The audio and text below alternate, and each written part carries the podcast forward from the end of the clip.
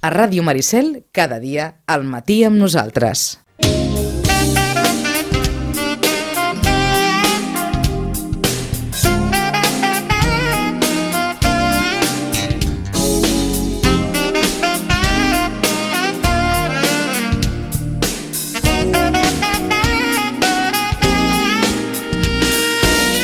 Vinga, doncs, que arriba Nadal també a la biblioteca.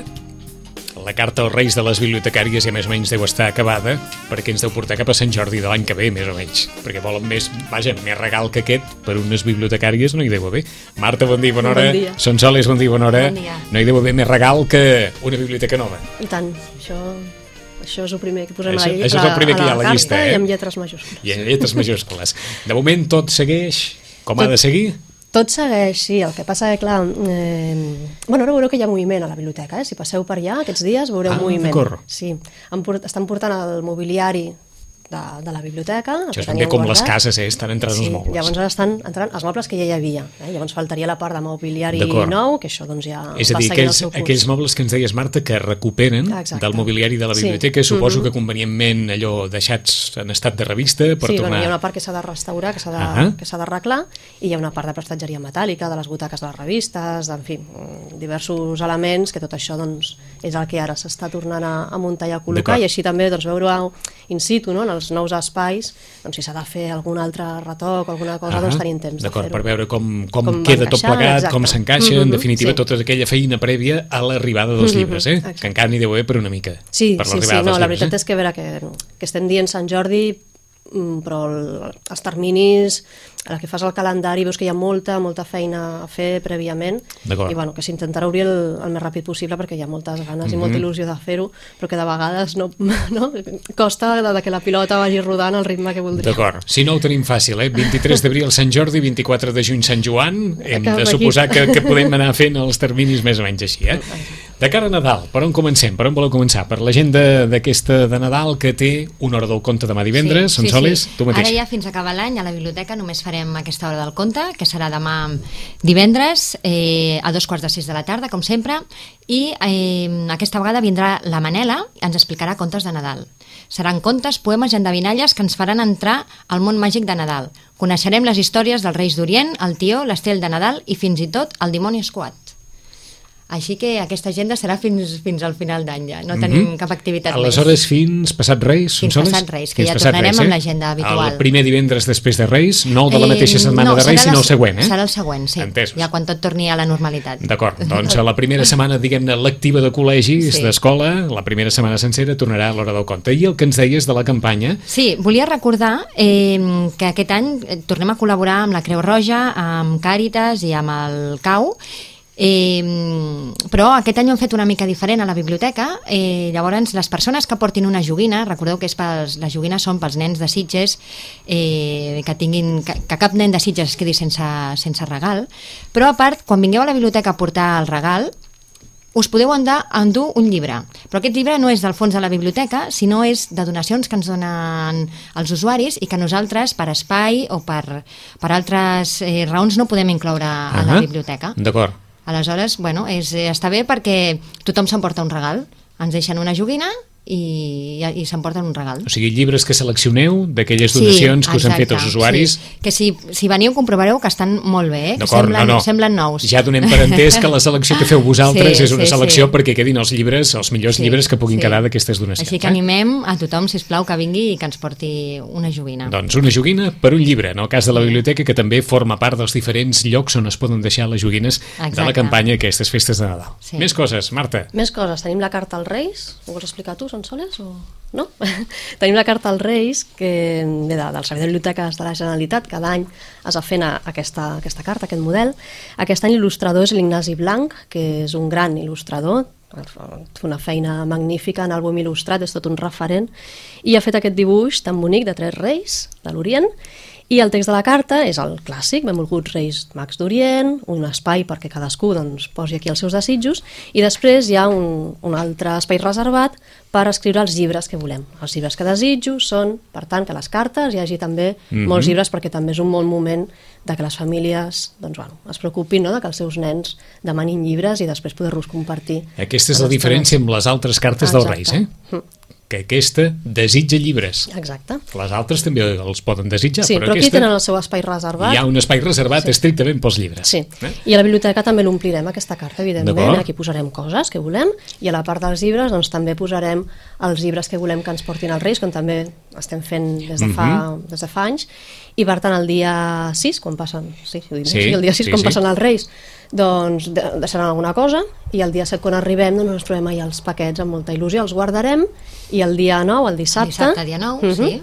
Els obrirem amb tothom que ens vulgui acompanyar. D'acord? En una de les activitats també més tradicionals de la biblioteca, eh? Sí, vam Passat els començar- Reis, que obriu, Exacte, obriu sí, els sí. regals, obriu els paquets que us hagin Sí, deixat en els principi Reis. fèiem els divendres en comptes d'hora del conte, però clar, volien, tots els nens volien obrir i llavors era difícil de contentar tothom i el dissabte, com que és un dia també més tranquil, més Sí. relaxat, doncs està funcionant millor. Per tant, Doncs, serà el dissabte dia 9 de gener, eh? Mhm. Però de moment hem de suposar, Marta i Sonsoles, que aquesta carta tots els nens que s'acostin a la biblioteca la poden, La poden agafar, la poden sí. recollir. Sí, eh? sí, sí, que hi ha un. Munt de cartes a la biblioteca per a aquells nens que la vulguin omplir. Sí. Més coses. Més coses. Mira, en el portal Genius, que és el portal de, de la web de biblioteques dedicat a nens i nenes, tenim una novetat.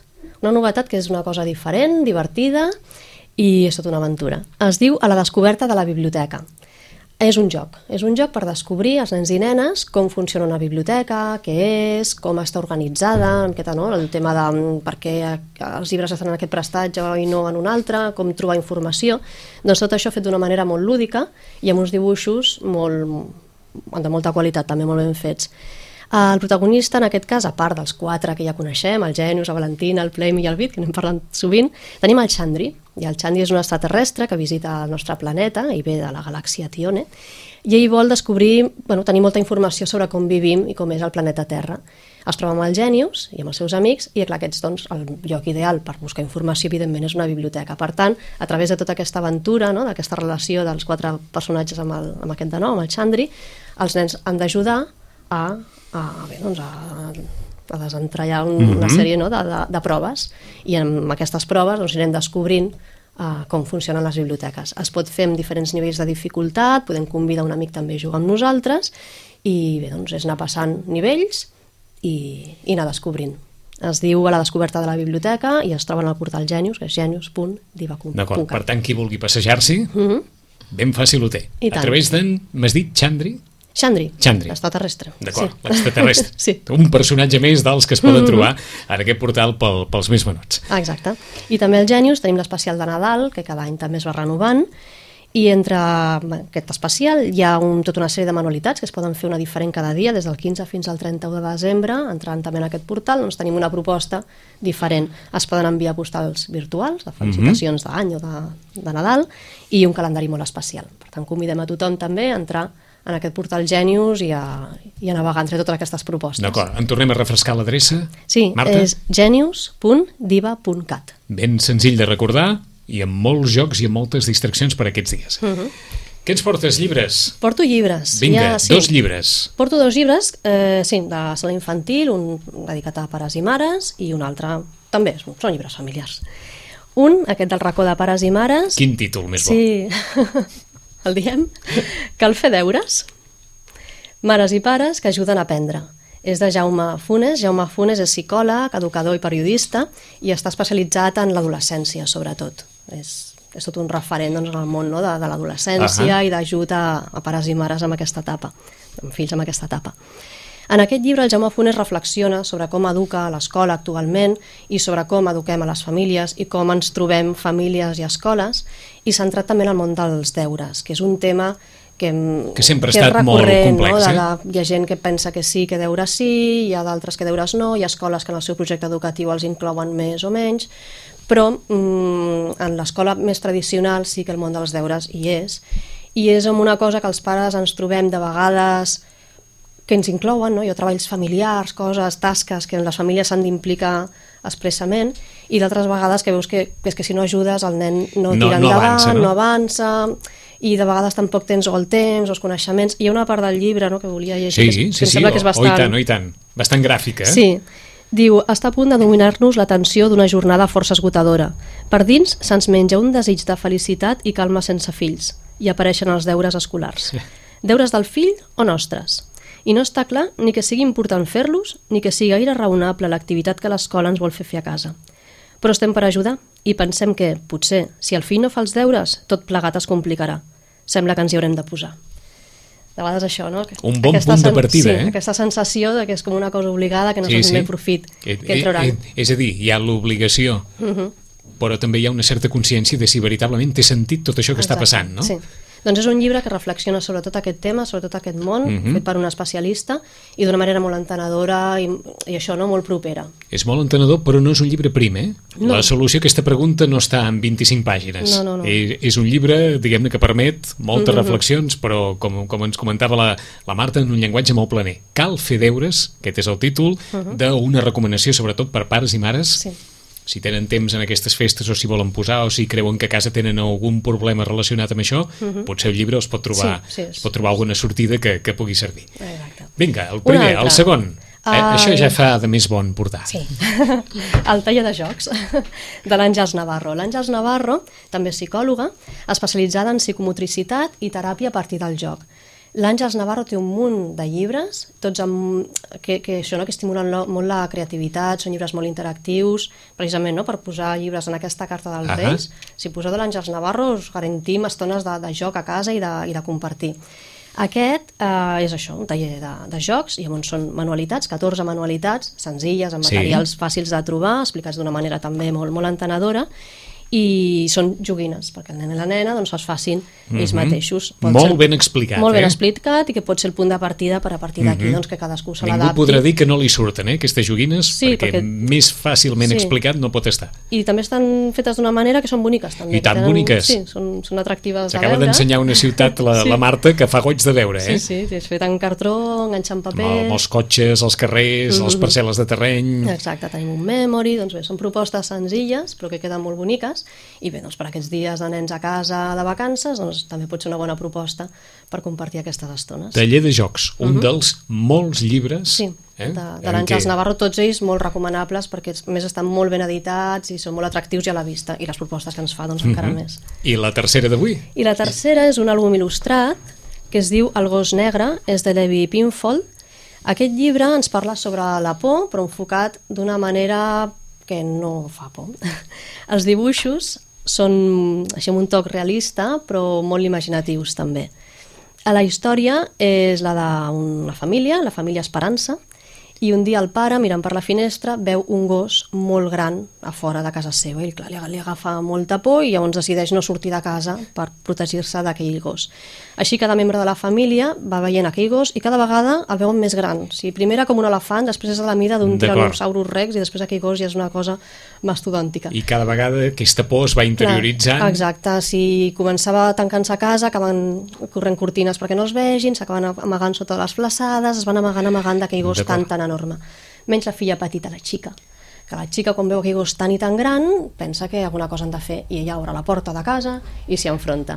La xica, doncs, la més petita serà la que solucionarà D'acord, la més valenta. la més valenta serà la que la sol- solucionarà el tema d'aquest gos tan gran, Quines il·lustracions gran. més maques. Són molt maques les Molt, il·lustracions. molt, molt. Sí, i a més el gos cada vegada es va fent més gran Ja. i, i realment arribem a una pàgina que tota la pàgina és gos i, i ni cap. Evidentment la història acaba que el gos aquest, gràcies a la xica, es va fent cada vegada més petit i per tant aquesta por no? que, que la podem dominar si ens hi enfrontem i la podem fer petita. És un llibre així metafòric, però que la història tal qual també és divertida pels nens perquè també és molt, re molt repetitiva. No? Mhm. D'acord, i que segurament ajuda a salvar aquelles petites pors del dia a dia, eh? Mhm, exacte. Des d'allò de la foscor fins Sí. a qualsevol Sí, altra d'aquestes estan representades petites... amb aquest gos, amb però aquest gos cadascú que hi eh? posi la seva. Un llibre molt bonic, El gos negre, és una altra de les recomanacions de la biblioteca. I amb què acabem, Marta? I acabem amb tres de les novel·les noves que no les Vinga. he portat, però són llibres nous del, del lot, d'aquest lot mensual que arriba cada mes a la biblioteca, i n'he seleccionat tres. Un és Abrázame, de la Catherine Pancol, que és l'autora d'aquella trilogia dels cocodrils, Sí. si recordem, la, la, el vals lent de les tortugues, els ulls dels cocodrils i els esquirols de Central Park, que estan tristos els dilluns. També té una altra trilogia que es diu Elles, Elles 1, Elles 2, Elles 3. Doncs aquest és una altra, una de, de les seves novel·les noves. És la història de l'Àngela en el moment en què ha de fer front a una de les seves pors, precisament, que és el compromís. A partir d'aquí la portarà a trobar-se amb antics fantasmes, d'això, no? de temors, d'amors, de secrets, i, i en aquesta novel·la també trobem altres personatges que l'acompanyen i tot plegat doncs, fan una història de sentiments, bàsicament. La segona que volíem recomanar és El que no et mata et fa més fort, Frase de Nietzsche. de David Lagerkrantz, que és un autor suec, i és el que ha continuat la saga, que també va tenir molt d'èxit, que va ser tot un, un fenomen i de fet va obrir la porta a aquells autors nòrdics, sobretot de novel·la negra i policíaca, que va ser la saga Millennium, que, que s'han fet doncs, també pel·lícules, en fi, prou coneguda. Uh, L'autor, l'Stig Larsson, va morir i aquest escriptor doncs, ha continuat i ha fet aquesta quarta entrega. Eh, L'autor, que és suec, viu al mateix barri on transcorre l'acció de les novel·les. Mira, és un, una anècdota. O sigui que serà un llibre esperat amb expectació, aquest, eh? Sí, perquè qui va llegir les tres, que són llibres d'aquests que, que enganxen i que n'esperes el següent, doncs aquí tenim la quarta part, on tornem a trobar els protagonistes de, dels anteriors, mm -hmm. que són només uns protagonistes ja amb... Mhm. Amb pes específic. Sí, sí, sí. Són referents no, de la novel·la negra que, que els tornem a trobar, que són el Michael Blomskid i l'Elisabeth Salander. I el quart, el tercer, el tercer llibre que recomanem és Soy Pilgrim, de Terry Hayes. Aquest és un llibre de 862 pàgines, és un llibre prou gruixut, però també és un thriller que enganxa moltíssim, que ha tingut molt bones crítiques. L'autor és un periodista anglès, va ser corresponsal als Estats Units durant molt de temps, però és conegut sobretot com a guionista i productor de, de pel·lícules de cinema i de sèries de televisió, com ara Mad Max, per Ahà. exemple. I de fet ell mateix està preparant la versió al cinema d'aquesta novel·la, novel·la. Soy Pilgrim. Són quatre fets molt macabres, assassinats mm, d'aquests durs, i en diferents parts del món, però que estan connectats perquè són com l'objectiu final és eh, bé, fer un crim enorme contra la humanitat. Llavors són quatre fets en diferents parts del món. Amb els quals els uneix tenen, aquest- Exacte, tenen aquesta connexió. I l'única persona que pot impedir que s'arribi a aquest objectiu a complir és un exagent que ha hagut d'esborrar tot el seu passat i la seva personalitat i del qual l'únic que sabem és que es diu Pilgrim. Mm -hmm. I a partir d'aquí aquestes 862 pàgines per disfrutar Aquest Nadal, eh? Perquè això és per, per 15 dies. Són soles. Jo volia recordar eh, que ara a Nadal a la Biblioteca Josep Roig i Reventós farem un horari especial. Això és el que us volia preguntar, Sí. l'horari de la biblioteca sí, per Nadal. Sí, canviarà una miqueta. Vinga. A part dels dies festius que tancarem, com Nadal, per exemple, també tancarem eh, el dia 24 i el 31, que són dijous, i des del dia 21 de desembre fins al 8 de gener, l'horari serà de 9 a 3 de la tarda. D'acord. Des de dilluns que ve, 21 de desembre, Fins fins... al dia 8 de gener. 8 de gener, Sí. horari de matí, eh? De matí, de, de 9 del matí a 3 de la tarda. Entesos. Sí. Doncs que quedi clar que durant aquestes festes de Nadal la biblioteca oberta en aquest horari ampli de matí des de les 9 fins a les 3.